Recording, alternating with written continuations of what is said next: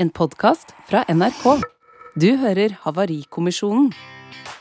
Og noe av det jeg merka best med han, var jo at han, han var så flink til å snakke for seg. Han var jo kjekk, selvfølgelig. Og ikke minst de gode klemmene. Og det, det har mye å si. Jeg er glad i klemmer. Dette er eh, Reidun, og på bibelskole forelsker hun seg i Christian. Jeg var jo innom eh, klassen hennes eh, egentlig bare for, for, å gi henne en klem, liksom. Og, og det ble mer og mer eh, åpenbart at jeg var ganske forelska i henne. Jeg syns hun rett og slett var veldig skjønn. Men etter noen år så endrer eh, følelsene seg. Jeg prøver å gi beskjed om de tingene som frustrerte meg. Og så ble det liksom bare verre og verre og verre. Og til slutt så slipper jeg bomba. Jeg vil ikke mer. Jeg ønsker en skilsmisse. Det raste jo inni meg, og jeg skjønte jo ikke hvordan en skulle i det hele tatt greie å komme ut av dette her. Men jeg hadde jo et håp om at hun ville fortsatt uh, kunne være kona mi. Jeg ville gjøre hva som sto i min makt for å få det tilbake på, på rett kjøl. Dette er Havarikommisjonen. Jeg heter Eivind Sæther, og sammen med psykologene Sissel Gran og Dimitri Kielland Samoilov skal jeg dykke ned i det som en gang var en lykkelig kjærlighetshistorie, og prøve å finne ut hvorfor forholdet havarerte. Havarikommisjonen.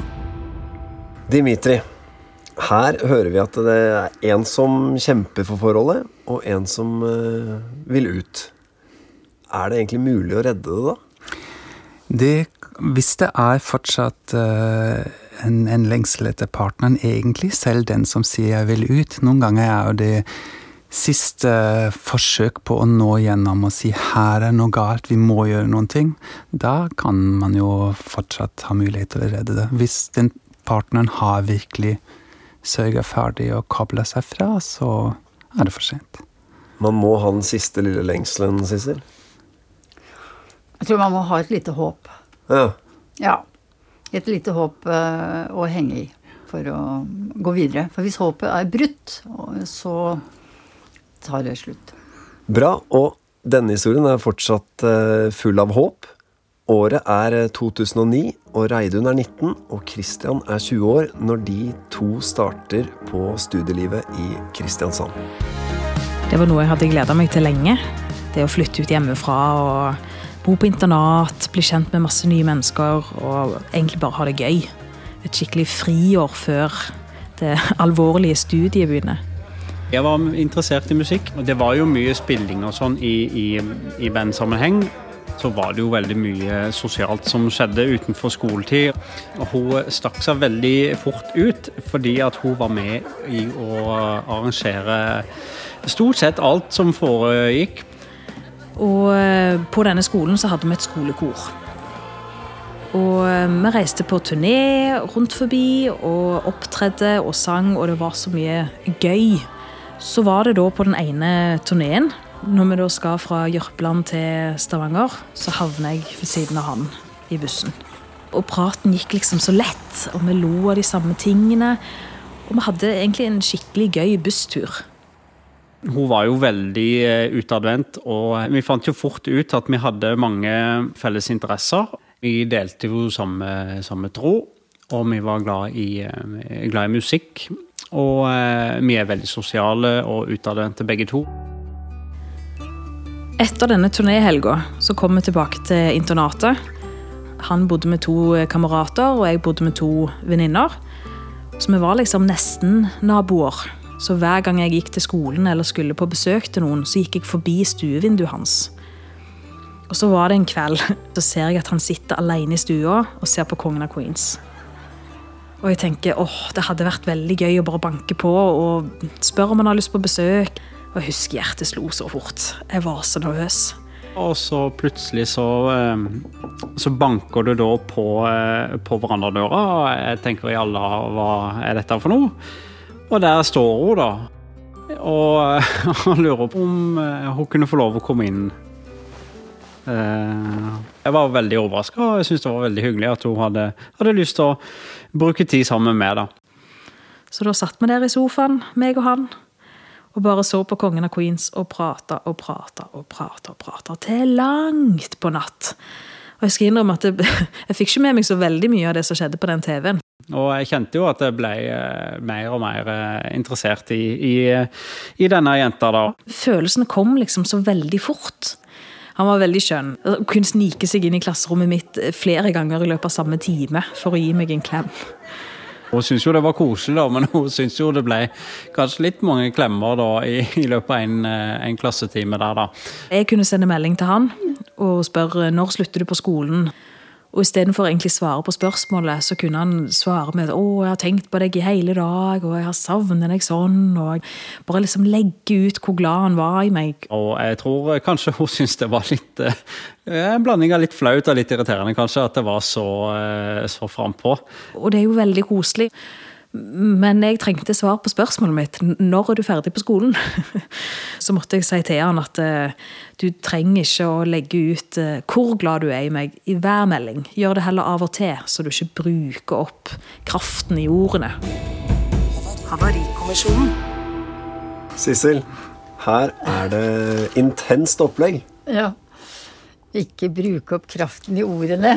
Det er jo litt rørende, da. Det er morsomt sagt, da. Hun har jo litt rett i det. Mm. Men eh, noen ville jo likt det veldig godt, for han er jo virkelig på en sånn erobringstokt. Ja. En sånn er som en hund? Nei, det vil jeg ikke si. Han logrer, han er på? Han er veldig på. altså Han har fått ferten av noe han vil ha, da, for ja. å bruke henne. For han vil ha henne, ikke sant. Det, men hun, det er hun som tar initiativet. Ja, absolutt. Det eneste er Jeg blir jo litt sånn bekymra, for jeg tenker sånn Man kan jo også være for på. Ja. For ivrig. Hvis noen blir veldig, veldig intens og veldig, veldig på, og overflammer deg med kjærlighetserklæringer og sånt, så, så, kan jo det bli klamt. Det kan jo bli litt sånn Hva med min frihet, da? Og jeg trodde liksom at jeg var nå fri fra alle disse bindingene, og nå jeg er veldig enig med Dimitri, fordi um, hun sier jo det at det var deilig å flytte hjemmefra. Hun gledet seg så veldig til en ny tilværelse, ikke sant, og få luft under vingene og alt det der, og så treffer hun en eh, som som vil ha henne inn i folden til de grader veldig fort. Og det er nok det hun reagerer på. Det kolliderer litt med hennes lengsel etter frihet. Da. Men uh, er det sånn at dette her er et slags faresignal også? At det er en slags ubalanse der? At den ene blir så pågående at den andre føler at det blir litt for mye. Ja, ja det kan være det. Altså absolutt at, det, at den som blir så hardt beilet til, da kan føle seg litt kvalt, ikke sant? Er det sånn at man Kan man drukne i andres uh, følelser? Um, man kan i hvert fall føle seg liksom innesperret av andres følelser, hvis det ligger en forpliktelse her, og så plutselig så blir det litt sånn klamt, da. Men vi må passe på. Vi har jo Nå har vi havaribrillene på oss. Ja. Um, det kan jo veldig vel begynne sånn uten at det trenger å være noe farlig ut av det. Bare liksom uh, Sånn, det er mye sånn som ser veldig fint ut her også. Det er mye som ser veldig fint ut også. I sofaen med kongen av Queens og Absolutt. praten hele kvelden. Vi skal eh, høre, vi, hvordan det går med paret. Etter eh, to år sammen så velger Reidun og Christian å gifte seg. Så vi var, vi var unge og eh, starta livet i Sandnes i en, en kjellerleilighet. Vi reiste jo litt og, og traff venner, og hun arrangerte sånn brettspillkvelder og filmkvelder hjemme hos oss. da. Vi hadde det veldig fint eh, sammen. Brukte mye tid på å snakke. Bare det å, at jeg lå i armkroken hans og vi så en film sammen. Det, det syns vi var veldig fint.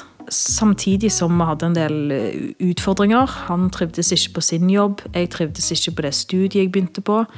Det ble ganske tøft eh, ganske fort. Vi bestemte oss for å flytte til Kristiansand. Jeg fikk jobb med en gang, men hun gikk i i over et år og prøvde å få all verdens av forskjellige jobber og sånn, men det var, det var kul umulig å få, å få, jobb. Så vi hadde det ganske tøft økonomisk eh, da. Og levde på kun min, eh, min inntekt, som ikke var sånn voldsom, men, eh, men det gikk så vidt rundt. Vi var jo veldig glad i opplevelser og finne på ting hit og dit med venner og sånn.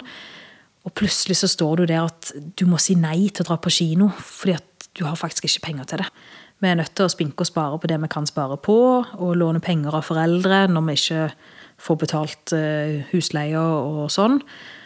Begge to var veldig tydelige på at ok, nå er situasjonen sånn, og da får vi gjøre det beste ut av det.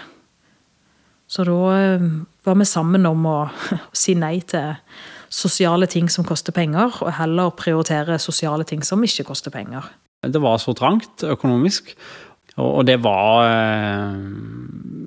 Ja, det var vanskelig. Og eh, det ble mye mm, diskusjoner om, om kjøp av forskjellige, forskjellige ting, da, hva vi skulle prioritere som i hverdagen. Det var jo de første ordentlige vanskelige diskusjonene vi, vi hadde. Og det var, det var, rett og slett vanskelig å, å, skulle snakke om økonomi uten å havne i en, en diskusjon. Etter vi hadde vært gift i ja, tre-fire år eller noe sånt, så ble det stadig flere konflikter som dukka opp. Jeg var ute og spilte en god del, og, eh, og var med i det her, et band da, og, og sånn. Ble litt mye eh, reising og sånn til tider. Etter hvert så kjente jeg på at eh, jeg trivdes mer og mer hjemme. At vi fant på ting hjemme sammen, da. Mens hun ble mer og mer glad i ut og, og, treffe venner og finne på ting og, og være sosial. En dag når vi satt rundt middagsbordet, så sier jeg til fredag Vi har ikke noen planer da? Nei, vi hadde ikke det. For da tenker jeg at jeg drar på en, på en jentekveld. Og han blir litt sånn skeptisk og litt sånn OK, hvem er det som skal dit, da? Hvor er det henne? Hvor lenge blir du? Hvor seint blir det? Og så kommer vi til denne fredagen, da, og når klokka da blir halv ett på kvelden, så, så ringer han eller sendte melding og, og spurte ja, hvor blir du hen? Hvor blir du av? Du skulle jo vært hjemme nå. Og det var ikke nødvendigvis at eh, jeg skulle avhøre henne, men, men jeg kjente at, eh, at eh, jeg ble usikker og utrygg når jeg ikke visste hvor lenge hun da hadde tenkt å være vekk, f.eks. da. Jeg ville gjerne vite på en måte hvor hun var da, og um, ja, egentlig vite at hun hadde det greit. da. Og det provoserer jo meg. For jeg er en person som syns det er veldig deilig å bare ja, skru av tid og sted og bare være til stede i den sosiale, gøy settingen. Og bare liksom, ja, ikke tenke på tid. Men han ble ganske irritert over at jeg hadde sagt at jeg var, skulle være hjemme til tolv, og så var jeg ikke det. Og sånn skjedde flere ganger. Etter hvert så ga jeg beskjed om at dette syns ikke jeg er greit. Hvorfor uh, må du vite alle detaljer, og hvorfor blir du så irritert hvis det ikke blir helt som planlagt? Og da himla han med øynene. Jeg syns hun overreagerte og tok dette unødvendig uh, voldsomt. Noe som bare provoserte meg enda mer. Og det kom liksom igjen jevnlig. Og hver gang jeg tok det opp, så fikk jeg høre at jeg overreagerte. Så det ble nesten som en elefant i rommet, da. Stemninga mellom oss to da var, eh, var, ikke veldig god. Det ble jo eh, mindre nærhet.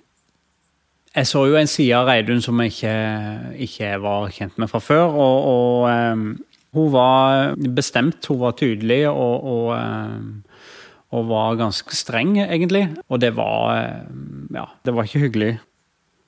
Jeg savna å kunne ha den gode samtalen rundt kjøkkenbordet. Og det å kunne ja, sitte i sofaen og, prate hele kvelden, liksom det, det var det ikke naturlig å, å, gjøre. Og det ble en gradvis større og større avstand mellom oss. Dimitri, hva er det som skjer mellom Kristian og Reidun? De kommer liksom rett, rett, og slett inn i en sånn vond dynamikk her. De prøver liksom å ordne det ved å lage regler og ringe henne og prøve å sjekke avtaler, og, og det blir hun sint av og blir irritert over det. og hvor hun prøver å ta opp at dette her er forferdelig vanskelig for meg å føle meg så kontrollert, og så går han i forsvar, og så blir hun enda mer provosert. Men uh, Sissel, jeg tenker på disse tekstmeldingene når, når, man er ute seint på kvelden og det kommer en sånn 'Hvor er du? Mm. Hva skjer?' Så får du føle den lange armen fra hjemmet strekker seg etter deg. ikke sant? Det er jo, hvis jeg skal være helt ærlig, en forferdelig irriterende melding å få. Du føler at noen liksom sitter litt over skulderen din. Mm. Er, er det feil å sende sånne meldinger? Ja, for noen så er det helt ålreit. Altså det bare, kjennes bare ut som et omsorgsfullt opplegg. Det kom veldig an på tenker jeg, hvordan du har hatt det i livet ditt. da. Vært veldig sånn snill jente eller grei gutt før, om du har eh, vært veldig sånn tilpasset deg veldig og vært veldig lydig. Eh, så, for det her handler jo om at hun kanskje opplever at han oppfatter henne som ulydig, da. Og det, det provoserer henne veldig, som vi snakker om her. Og det, det hun ikke skjønner, det er jo at han eh, er litt redd, og han sier For hun føler han gir innetid.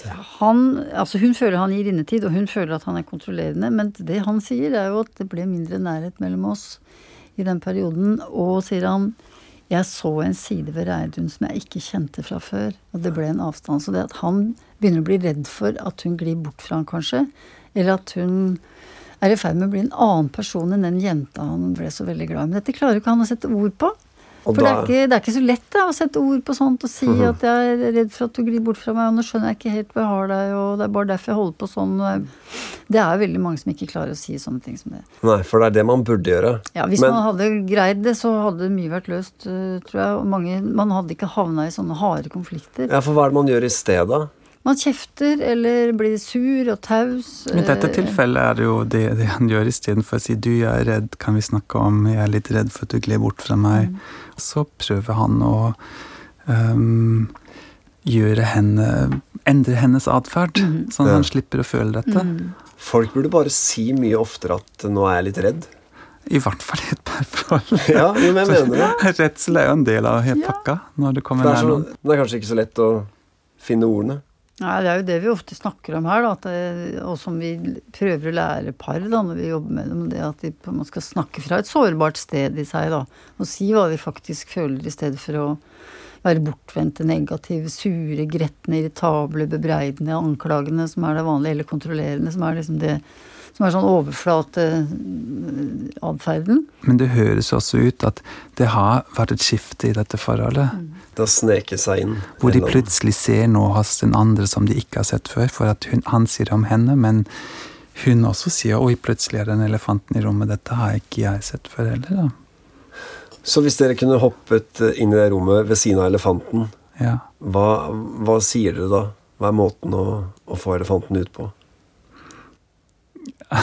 ja, den måten er jo å snakke om hva handler det om for meg. Hva er det jeg strever med? Men istedenfor å snakke om denne elefanten, så prøver de å endre hverandre.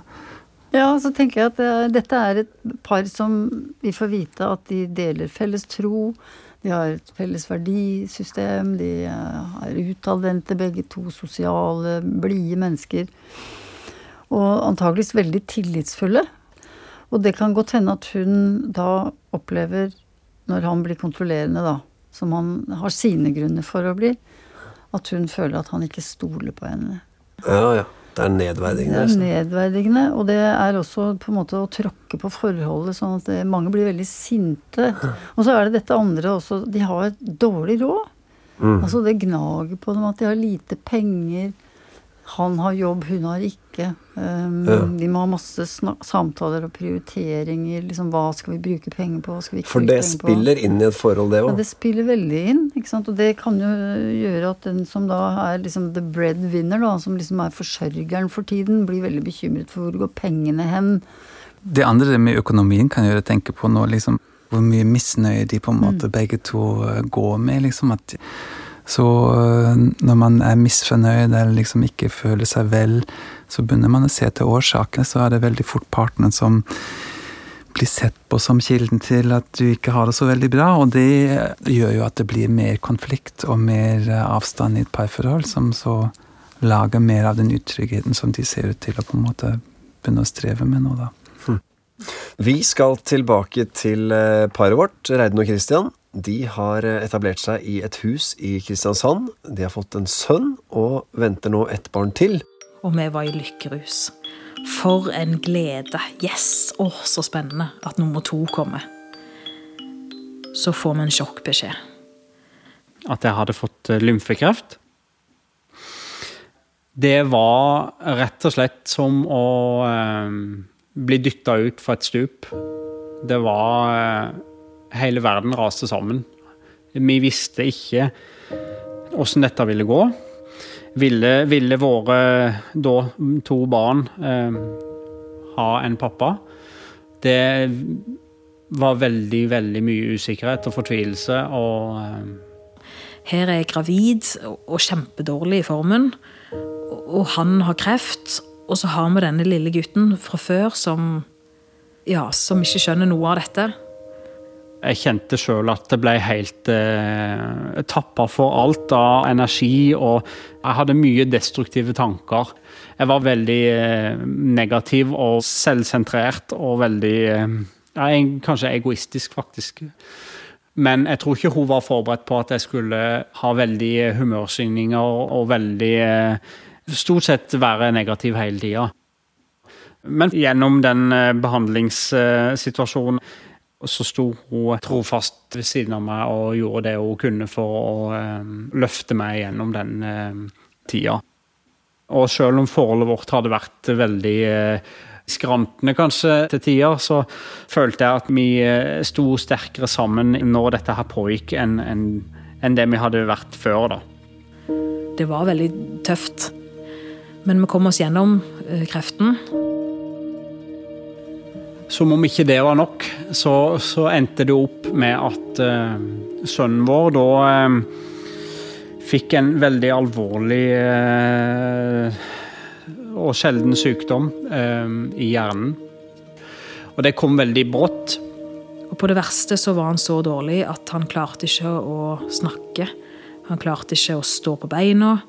Han klarte ikke å holde seg våken, han bare sovna. Han var så alvorlig syk, og det kunne gå så veldig galt. Men eh, han fikk heldigvis riktig behandling. Og heldigvis så ble jo sønnen vår helt frisk. Og når han da eh, ble friskmeldt, så, så eh, håpte vi jo at, eh, at ting ville bli bedre. Så gjorde vi jo eh, gjorde vi jo det vi kunne for, for, at vi skulle ha det bedre sammen. Samtidig så, så var jo òg psyken min så langt i kjelleren at da var det rett og slett for mye for, for meg å forholde seg til. Selv om ting var tøft, så hadde vi det på en måte gått sammen. Fordi vi sto sammen i de vonde tingene.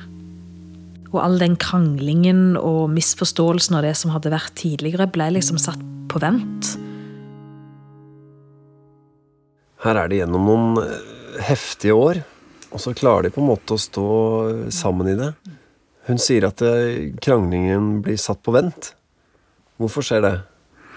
Par reagerer veldig ulikt på sånne type utfordringer. Noen ganger så lager det mer konflikt, og de, de havner mer i skyttergravene. Men, men, de her gjør liksom helt riktig, tenker jeg. De klarer å stå sammen i dette og Så det er ikke noe farlig av det å, å, på en måte liksom begrave kranglene?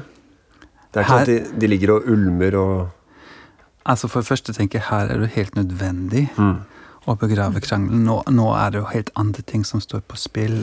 Ja, for her handler det jo om livet.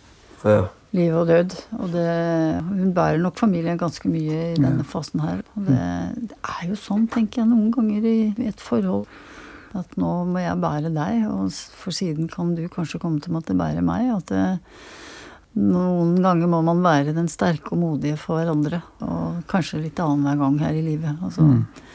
Og det tror jeg at de får til, og det er jo virkelig godt gjort. Altså. Mm, men det høres ut um, at han går inn i en mer sånn depressiv tilstand mm. i dette, sånn at han um, takler ikke de utfordringene på, på, denne måten så veldig godt. da, Sånn at han uh, blir uh, veldig Han sier at han blir veldig selvsentrert, mm. sånn som vi blir når vi mm. på en måte blir uh, fanget av av en depresjon. Ja, det er naturlig. Det er ikke ja, det dårlig gjort. Sånn, nei, det er jo sånn vi er. Vi er laget sånn at hvis vi har veldig sterke følelser, veldig negative følelser, så er uh, vi uh, i oss sjøl. Ja, for det, det, er jo vanskelig. Altså Når den ene blir syk, det her er det mange som opplever. Når den ene blir satt ut av spill, så er det fryktelig vanskelig. For altså, du, du skal jo Eller skal man det? Du blir nesten nødt til å trå forsiktig. Selv om du kanskje har lyst til å blåse ut, så er det på en måte Det er ikke alltid tida for det. Nei, det er ikke det. Og det, det ser jeg jo på mange eldre par som jeg har hatt kontakt med og jobbet med. Hvor tøft det kan være. Og, hvor den ene blir Ja, hvor den, hvor den friske også kan bli fryktelig sint.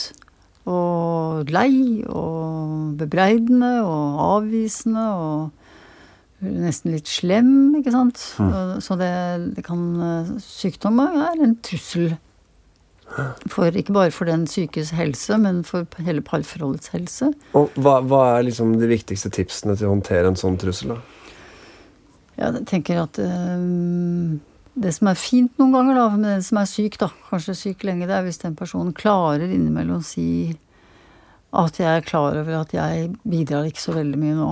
Uh, og jeg ser mm. ikke så veldig godt ditt bidrag, og jeg er ikke så jeg er veldig i mitt eget Jeg er kjempelei meg for det. Dette skal jeg, Den dagen jeg blir frisk, så skal jeg så skal jeg oppveie dette tusen ganger, men nå får jeg det ikke til. Altså det, det, kan hende at bare det at du som da omsorgsperson føler at du blir sett, da, og at innsatsen din ikke bare er noe sånn en selvfølge, mm. det kan hjelpe veldig også underveis, sånn at man eh, holder ut med hverandre. Havarikommisjonen. La oss vende tilbake til Reidun og Christian og se hvordan det går med dem på den andre siden av eh, sykdommen. Jeg var ute på filmkveld og var leder på masse arrangementer og fikk mye påfyll av gøy. Noe som jeg trengte for å ha det bra. Og vi fikk mer tid til hverandre. Tid til samtalene, men også tid til krangling og misforståelser plutselig var liksom de samme konfliktene tilbake igjen. Jeg kunne krangle og argumentere for at nå har du vært ute så mye, og at hun heller burde vært hjemme sammen med meg, da. Han begynte å spørre og grave i hvor jeg skulle hen, og hvor lenge jeg var ute. Jeg følte meg um, aleine. Jeg følte ikke at hun, hun så mm, de behova som, som jeg hadde. Jeg trengte nærhet jeg, jeg, kjente et behov for å, å bruke mer tid sammen. Uh, men det, det, hadde ikke hun. Men de kveldene vi var hjemme sammen, så var det ofte at vi satt i hver vår sofa og trykka på hver vår telefon, eller så hver vår serie. Plutselig så begynte det liksom å gli litt ut, den tida som vi brukte sammen. Det ble noe usagt. Den elefanten i rommet var liksom tilbake igjen så ble det liksom bare verre og verre og verre. Og han var irritert, og jeg var irritert, og det bare bygde seg opp. Og til slutt så slipper jeg bomba. Da sier jeg at jeg vil ikke mer. Jeg er ferdig. Jeg ønsker en skilsmisse. Og det kom som et sjokk på meg. Og eh, det raste jo eh, følelsesmessig inni meg, og jeg var jo helt eh, fortvila. Og jeg skjønte ikke åssen en skulle i det hele tatt greie å komme ut av dette her. Så jeg sa til henne det at, at eh, OK, eh, jeg, jeg, må ha litt luft. Jeg må ut litt. Så jeg satt igjen alene. Tårene fossa. Jeg var liksom sint og redd, og det var så mye følelser på en gang. Samtidig som det var litt lettelse å ha sagt det, for nå har jeg båret på disse tankene så lenge. Så kom han jo tilbake igjen i løpet av kvelden. Ja, foreslo um, om ikke vi kunne finne noen å, å, å snakke med sammen om, om, dette her. Og uh, for å prøve i det hele tatt å så, og så se om det var noe vi kunne, kunne, gjøre for å få det bedre sammen. Men jeg hadde ikke lyst til å snakke med noen profesjonelle. Jeg tror ikke at en, et vilt fremmed menneske kan fikse våre problemer. Jeg vil ut. Jeg vil ikke dette her mer etter mye diskusjon fram og tilbake og, og opp og ned, så, så, ble vi enige til slutt om at OK, vi gir dette her et forsøk. En samtale med, med hun, eh, parterapeuten. Men fortsatt så, så, trodde jeg ikke at det kom til å verken endre noe eller fikse noe. Og eh, jeg var ganske nervøs og negativ når vi kom dit. Men så handla det veldig om måten hun møtte oss på. At hun var liksom veldig tydelig på at i dag skal vi ikke eh, ta noe avgjørelse. Um, hun så meg i min situasjon. Hun så han i hans situasjon, og prøvde å hjelpe oss til å forstå hverandre. Men jeg var fortsatt veldig usikker om, om Reidun da i det hele tatt eh, hadde bestemt seg, uavhengig av hva parterapeuten sa. Etter den samtalen så starta det en prosess i meg. Og ikke minst måten han var på. Hvor villig han var til å gjøre alt for å få dette til å fungere. Det gjorde at jeg tenkte ok, greit, jeg kan gå med på en samtale til. Og da bestemte vi oss egentlig for et halvt år. De gir forholdet et halvt år. Eh, han vil eh, kjempe, og hun er usikker og skeptisk. Sissel, er det håp? Uh, disse står jo ved et alvorlig og veldig spennende vendepunkt. Og det som jeg tror gjør veldig inntrykk på henne, det er at han han vil så gjerne få dette til. Han ja, kjemper. ikke Hun sant? ser et eller annet der. Det er jo litt hun fint. Hun ser noe hos han. At han uh, virkelig han kjemper for forholdet. Er det håp? Har du trua? Ja, absolutt. Altså, men før vi går til det, så har jeg bare lyst til å si noe som jeg sitter og tenker på, og kjenner på når hun snakker. Og føler seg så presset. For det som skjer igjen etter at de har på en måte greid å komme seg gjennom sykdomsperioden sammen, så tror jeg at lufta er helt gått ut av henne. Eh, jeg tror kanskje at hun har at hun har ytt så mye, og egentlig og vært så sliten, kanskje presset, at uh, når da det ytre presset, eller sykdomspresset, minker, og den gamle grunnscenen kommer opp igjen, dette med kontrollbehovet hans osv., det gjør at hun ikke får puste, tror jeg. Det er da hun sier 'jeg er ferdig'. For når et menneske sier 'jeg er ferdig', det er virkelig en skummel setning å si til en partner. Så det er klart han får sjokk. Så det, det er jo en Men det er også en ærlighet i det som Og det er bra å få det på bordet. For det er jo der det kan begynne å skje en endring. Hvis hun ikke hadde sagt det, bare fortsatt å yte og ikke si noe, så ville dette skjedd igjen. Det ville skjedd uansett. Så jeg tenker at det er, det er veldig bra. Det er selvfølgelig De står på stupet, men det er et vendepunkt. De så står, der ligger det litt håp? Det ligger håp i det. Og det er et vendepunkt. Det er sterkt, det kjennes farlig, det er nifst for begge to. Mm. Men det er mulighetene for et, Det er en krise, og der ligger muligheten for et vendepunkt. Kanskje tilbake til hverandre. Så det kan egentlig være litt sunt å, å titte utover kanten på stupet også? Mm. Noen ganger så er det det som får par til å ta grep. Noen ganger så må man på en måte nesten ha falt ned stupet før man skjønner ok, her er det noen mm. ting som vi vil redde. For hun sier at det, hun er også redd og lei seg, så det er ikke helt overfor henne. Hun ser bare ingen annen utvei. Skjønner. Sissel, du sa, du sa grunnscenen. Parets grunnscene. Mm. Hva er det for noe? Det er sånn, et mønster som uh, veldig mange par faller inn i. Uh, og hvor de havner i sånne låste posisjoner. F.eks. at den ene alltid trekker seg når det blir litt vanskelige følelser. Mens den andre blir veldig pågående. For å komme gjennom lydmuren hos den andre. Og jo mer pågående du blir for å komme gjennom lydmuren hos den andre som ikke liker vanskelige følelser, desto mer trekker den personen seg som syns at vanskelige følelser er vanskelig, og så har vi det gående. Så det er, liksom, det, det er stedet vi går til der vi knoter det litt til? Ja. For dem så tror jeg det har vært en grunnscene at øh, hans nærhetsbehov kommer til uttrykk gjennom det hun opplever som kontroll og administrering av henne.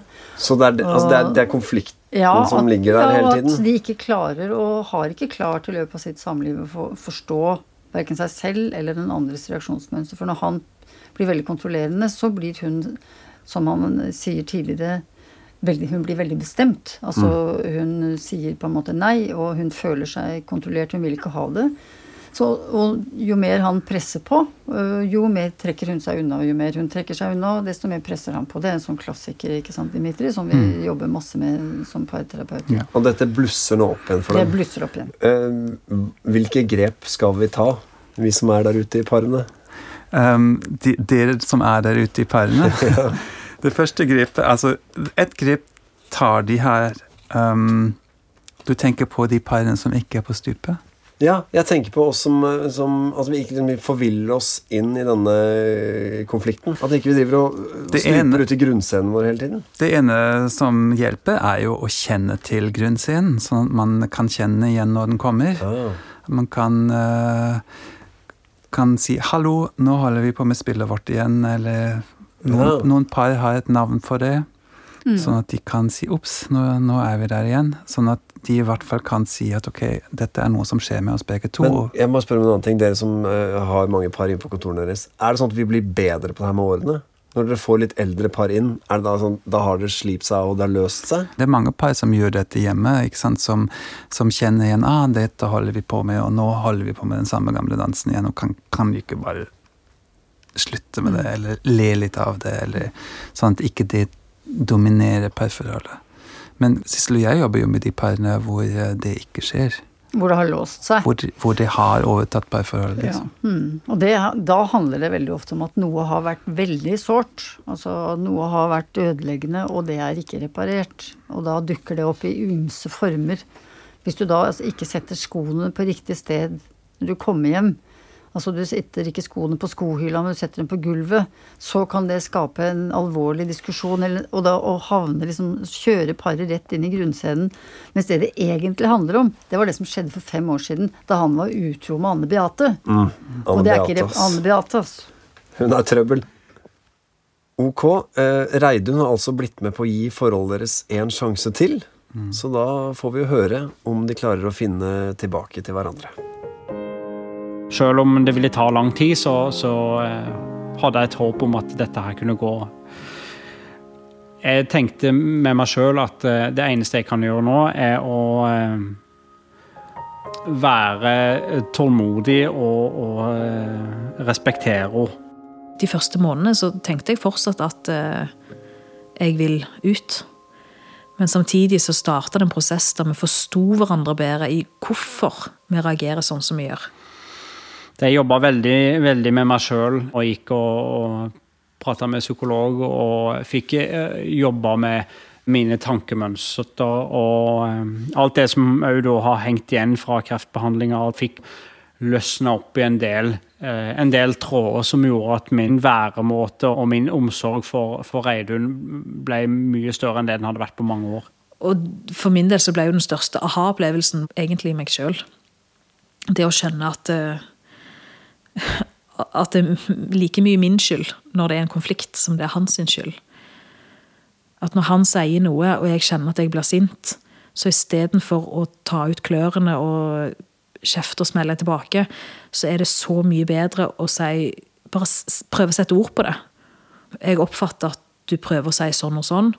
Er det det du mener, eller har jeg misforstått? Og så kan jo han svare nei, nei, det var ikke sånn jeg tenkte. Beklager, det kom ut feil. Det jeg tenkte var Og så forklare situasjonen. Og så plutselig kan vi snakke fint om det, istedenfor at det blir en konflikt. Jeg skjønte fort at uh, hun trenger frihet til å være spontan. Og det handler mest om at uh, det er mine egne egne holdninger og min egen kommunikasjon som har eh, vært roten til, til mye av dette her. Med at eh, jeg har kommet med ja, sleivsparka kommentarer og eh, nesten detaljstyrt henne. Eh, på enkelte ting. Det, det har jo eh, har jo vært en veldig aha-opplevelse å skulle eh, innse det at eh, at eh, en må gi henne mer rom til å være spontan og finne på mm, gøye ting.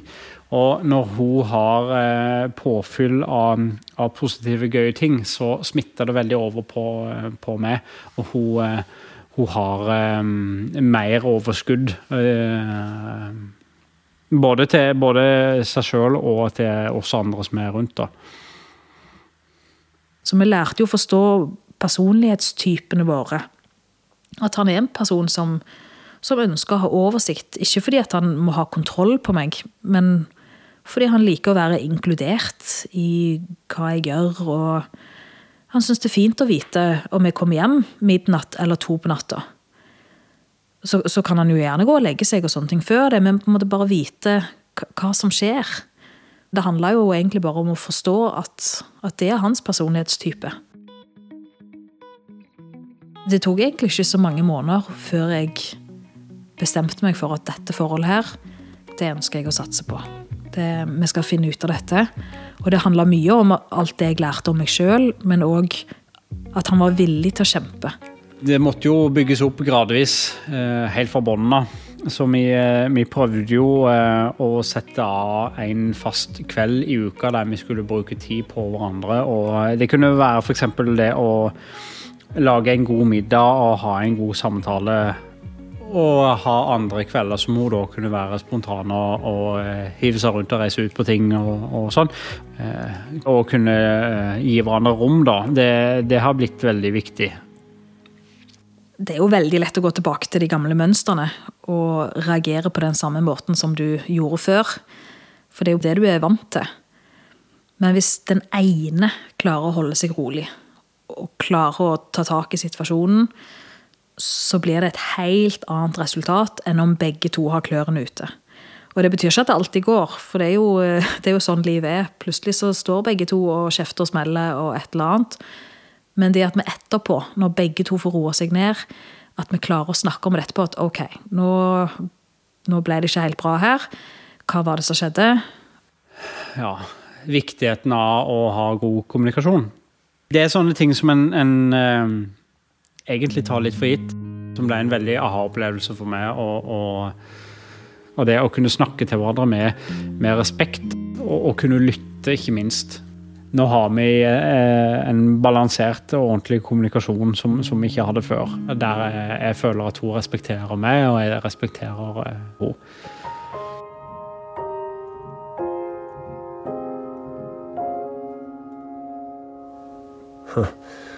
Dimitri, hvorfor eh, klarer disse to seg?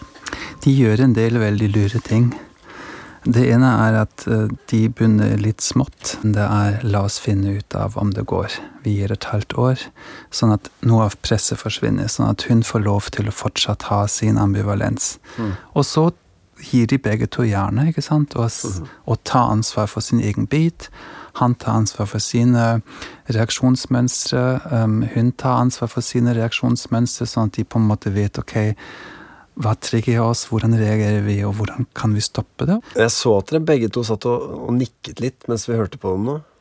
Sissel, de har knekt noen koder her? Ja, de har det. Jeg tenker at Noe av det viktigste er som Dimitri sier, da, det er at de gjør det som mange par ikke får til. De klarer å, å se på sitt eget bidrag. Altså At de ikke bare sier hva den andre burde gjøre. Og, ja. Hva med deg? Du må gjøre ditt, og du må gjøre datt. Men de, begge to tar ordentlig tak i sin egen væremåte, og begge to um, erkjenner både for seg selv og for den andre hva, hva, de har gjort som har kjørt dem inn i denne grunnscenen eller dette vonde mønsteret. Denne dansen. Kjært barn og mange navn. Det er veldig godt uh, gjort, altså. For det, jeg tenker sånn, Når du er så nære en skilsmisse, og du virkelig står og titter ut over stupet Det må jo, altså det skal jo litt til å bygge opp mm. tillit og, og godhet igjen. Ja, og, og, jeg tenker det, noe av det handler om at det må være en fortsatt en grunnleggende tillit til at den andre vil deg vel. Det må være noe av dette som er igjen. Og begge må være villige til å ta ansvar. For uh, det går ikke an å lykkes med en parterapiprosess hvor begge to prøver å fortsette å forandre den andre. Mm. Hvis man skal være veldig sånn hverdagslig og, og, og enkel, hvordan, hvordan, konkret går man inn og snur uh, utviklingen i et forhold? Jeg tenker at i terapi, da, sånn som vi uh, har jobbet mye med Dimitri og meg, så um, er det jo ikke alltid at man trenger all verdens tid for å få til det som er interessant, og som, uh, som noen ganger gjør at ting snur. Det som ofte skjer, altså hvis noe fungerer bra, det er jo at de opplever de får en aha-opplevelse av at det var ikke sånn som jeg trodde. Du har ikke vært ute etter å kontrollere meg, eller du er ikke lei av meg, eller jeg er egentlig ikke lei av deg, jeg var bare lei meg. Um, og sånne, det vi kan kalle for litt sånn mykgjørende Ja, ja. Perspektivet skifter. Ja, perspektivet skifter. Følelsen skifter. Altså, det er ofte Veldig mange sier at å, vi har hatt så dårlig kommunikasjon, og vi må kommunisere bedre. Men poenget er egentlig at de opplever den andre annerledes, og at de opplever seg selv annerledes. Og det kan noen ganger gå ganske fort. Mm. Det er jo interessant det der at det innimellom skal så lite til å snu noe som føles helt uh, håpløst. Mm. De nevner sånn middag en gang i uka. Ta middag en gang i uka, sitte og prate, ha det litt hyggelig sammen. Mm. Det er jo et vanvittig konkret og enkelt tips. Ja, for jeg har vel så mye tro på at det kan skje i, i sånne små mikroøyeblikk, jeg, ja, da. I løpet av dagen eller ettermiddagen når man treffer hverandre igjen.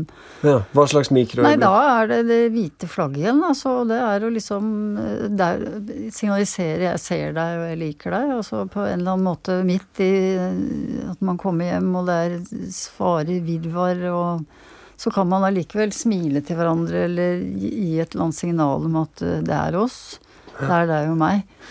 For jeg tror mange har ikke tid til å sette seg ned med den der middagen eller gå ut på en date. Altså, jeg vet at noen par blir helt sinnssyke av å høre på parterapeutenes evinnelige gnål om, eh, om kjærestetid og date, og de har ikke ork.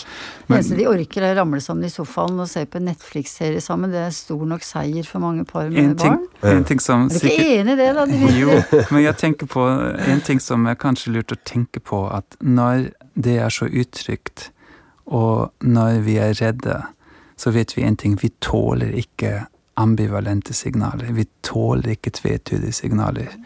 Så, eh, så det er viktig å være bevisst på, ikke sant? at nå er vi begge to redde, så vi må gi et veldig tydelig signal om uh, at vi er vennlige, at vi prøver noe, at uh, vi vil hverandre.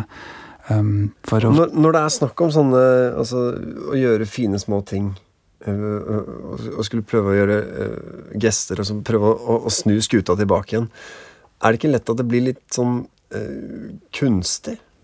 Kunstig er bra. Er kunstig bra? Kunstig betyr at du gjør noe som du ikke har øvd på så veldig mye. Ah. Det de har øvd på veldig mye, er å gå i sin grunnscene. Så når ting føles kunstig, så er, ta det som et signal på at nå er vi på en ny vei. Nå lærer vi oss noen nye trinn. Så bra. Og så er det et eller annet med at det, det kan høres eh, enkelt ut når man snakker om det, men, men disse reaksjonsmønstrene ligger jo, de ligger jo så sterkt i oss. Hvordan unngår man å, å, å komme tilbake dit? Ja, det har du helt rett i, ikke sant. Men, men det, det, det vi vet fra forskning, er at um, jo mer par har virkelig gravd i seg selv og vist seg på en mer sårbar måte for partneren, ikke sant? vist partneren se her, det du trodde handler om at jeg eh, avviser deg, eller at jeg prøver å kontrollere deg, det handler egentlig om at jeg er redd, og at jeg lengter etter deg. Um, jo mer de tør å gå dit og dele det med hverandre og vise det hverandre, og ha en ny opplevelse av å kunne ha samtaler som før ikke var mulig, desto mer vokser tilliten i forholdet, og desto lettere er det å stoppe opp og ikke miste troen på, på et vi, selv i øyeblikk hvor det blir ganske komplisert. Så fint. Inn i det sårbare. Sissel. Dette reaksjonsmønsteret, det, det, det ligger jo der så sterkt i oss. Hvordan, eh, hvordan unngår man å, å havne tilbake der man var? Ja, det er jo som Dimitri har sagt, altså vi, vi må vite om det mønsteret. Vi må vite om det, vi må kunne identifisere det og si til hverandre nei, nå er vi der igjen. Og så må vi berømme hverandre veldig for alle de gangene vi klarer å på en måte avsløre det mønsteret og gjøre noe annet enn å gå inn i det mønsteret igjen. Og si at åh, det var godt gjort, nå fikk vi det til. Ja, Så jeg at man må Det blir en felles fiende. Ja, må- ja, det gjør det. Det blir en felles fiende. Og så må vi heie litt på hverandre. At nå fikk vi det til. Altså, nå greide vi å komme ut av det, og nå havna vi ikke der, og vi er gode, du og jeg. Også. At Man må liksom skryte av det felles parets uh, seire. Heia oss. Heia oss. Havarikommisjonen. Reidun og Christian, nå har dere to fått uh, høre parterapeutenes analyse. Christian, hva tenkte du om uh, det de har sagt? Jeg syns det var veldig eh, interessant, og at er jo som eh, dette her med å på en måte normalisere at folk har Folk har problemer, det er ikke bare oss, liksom. Men dere, jeg må spørre dere, fordi eh, vi snakket jo en del her om, om det å på en måte gå helt fram til, eh, til kanten av stupet. Og, og liksom se at forholdet er helt på bristepunktet. Og så da lurer jeg på, er det sånn, altså sånn Hvordan har det preget dere? For min del så vil jeg si at eh, de utfordringene vi har stått i, og den, de kampene vi har hatt, har gjort oss sterkere. Eh, det har blitt noe vi jobber sammen med. Det er et felles mål om å få forholdet til å fungere. For utfordringene vil fortsatt komme, og konflikter og vanskelige situasjoner. Men Kristian, eh, er det sånn du ser det òg? Hva, hva, hva, tenker du om at dere var så nære at det ikke skulle være dere to? Det er veldig rart å tenke på nå, eh, et drøyt år seinere. Så er det viktig å få fram eh, for meg i alle fall, at det, det fins fortsatt et håp. Det betyr, selv om du står på kanten, så betyr det ikke at løpet er kjørt. liksom. Er det sånn at dere har noen råd til andre par, som kanskje er der dere var, som står i fare for å gå fra hverandre? Mitt beste råd til andre i samme situasjon eller lignende situasjoner er nok å eh, prøve å ta inn klørne. Eh, mm. Hvis den ene klarer å ta inn klørne når det oppstår en konflikt eller en krangel, så vil liksom ikke krangelen blusse opp og bli verre enn det den i utgangspunktet er. Men hvis den ene klarer å bare senke skuldrene litt og prøve å si hva mener du nå, hvordan kan vi finne en løsning på dette, ja. så tror jeg det kan redde mye i mange forhold. Ja, absolutt.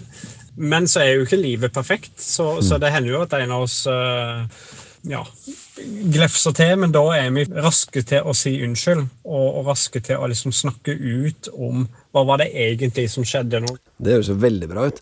Reidun, er det noe du tenker at dere fortsatt må jobbe med i forholdet? Våre største utfordringer er med en gang du tilføyer litt stress.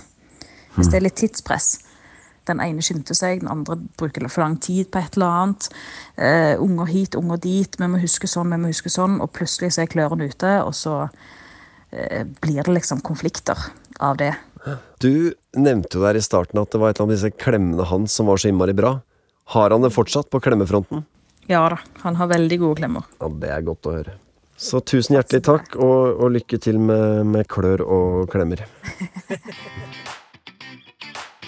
Har du lyst til å høre andre parhistorier, så finner du flere episoder av Havarikommisjonen i appen NRK Radio. I neste episode av Havarikommisjonen møter du Tore og Joakim. Og jeg kan bare huske at jeg smeller neven i bordet. Knallhardt. Inni meg så var det så mye krigføring og så mye kamp. Så da kunne vi ha sånne tre dagers krangler, liksom. Ja, nei, vi satte oss rett og slett ordentlig fast. Jeg klarte ikke å gi meg med å prøve å fikse han, og han klarte ikke å slutte å, å provosere seg av meg. Vil du spørre våre parterapeuter om kjærlighet, sex og parforhold? Send spørsmålet til havarikommisjonen krøllalfa nrk.no. Denne episoden av Havarikommisjonen er laget av Lisbeth Fauske Løland, Caroline Møller og Maja Østerud. Lyddesign Hilde Rolfsnes. Vignettmusikk Kloroform. Redaksjonssjef er Randi Helland, og mitt navn er Eivind Sæther. en podkast fra NRK. En morgen i begynnelsen av november i fjor kom en mann løpende ut av leiligheten sin i Thereses gate i Oslo. Mannen som ble skutt og drept av politiet i formiddag. Han var skuespiller, han var bryter, han var danser. Altså, sånn en av de mest talentfulle karene jeg har møtt. Hvem var denne mannen? Hvem var Rustam Louis Foss? Og hvorfor måtte livet hans ende sånn, på et fortau på Bislett? Mannen i Thereses gate hører du først i appen NRK Radio.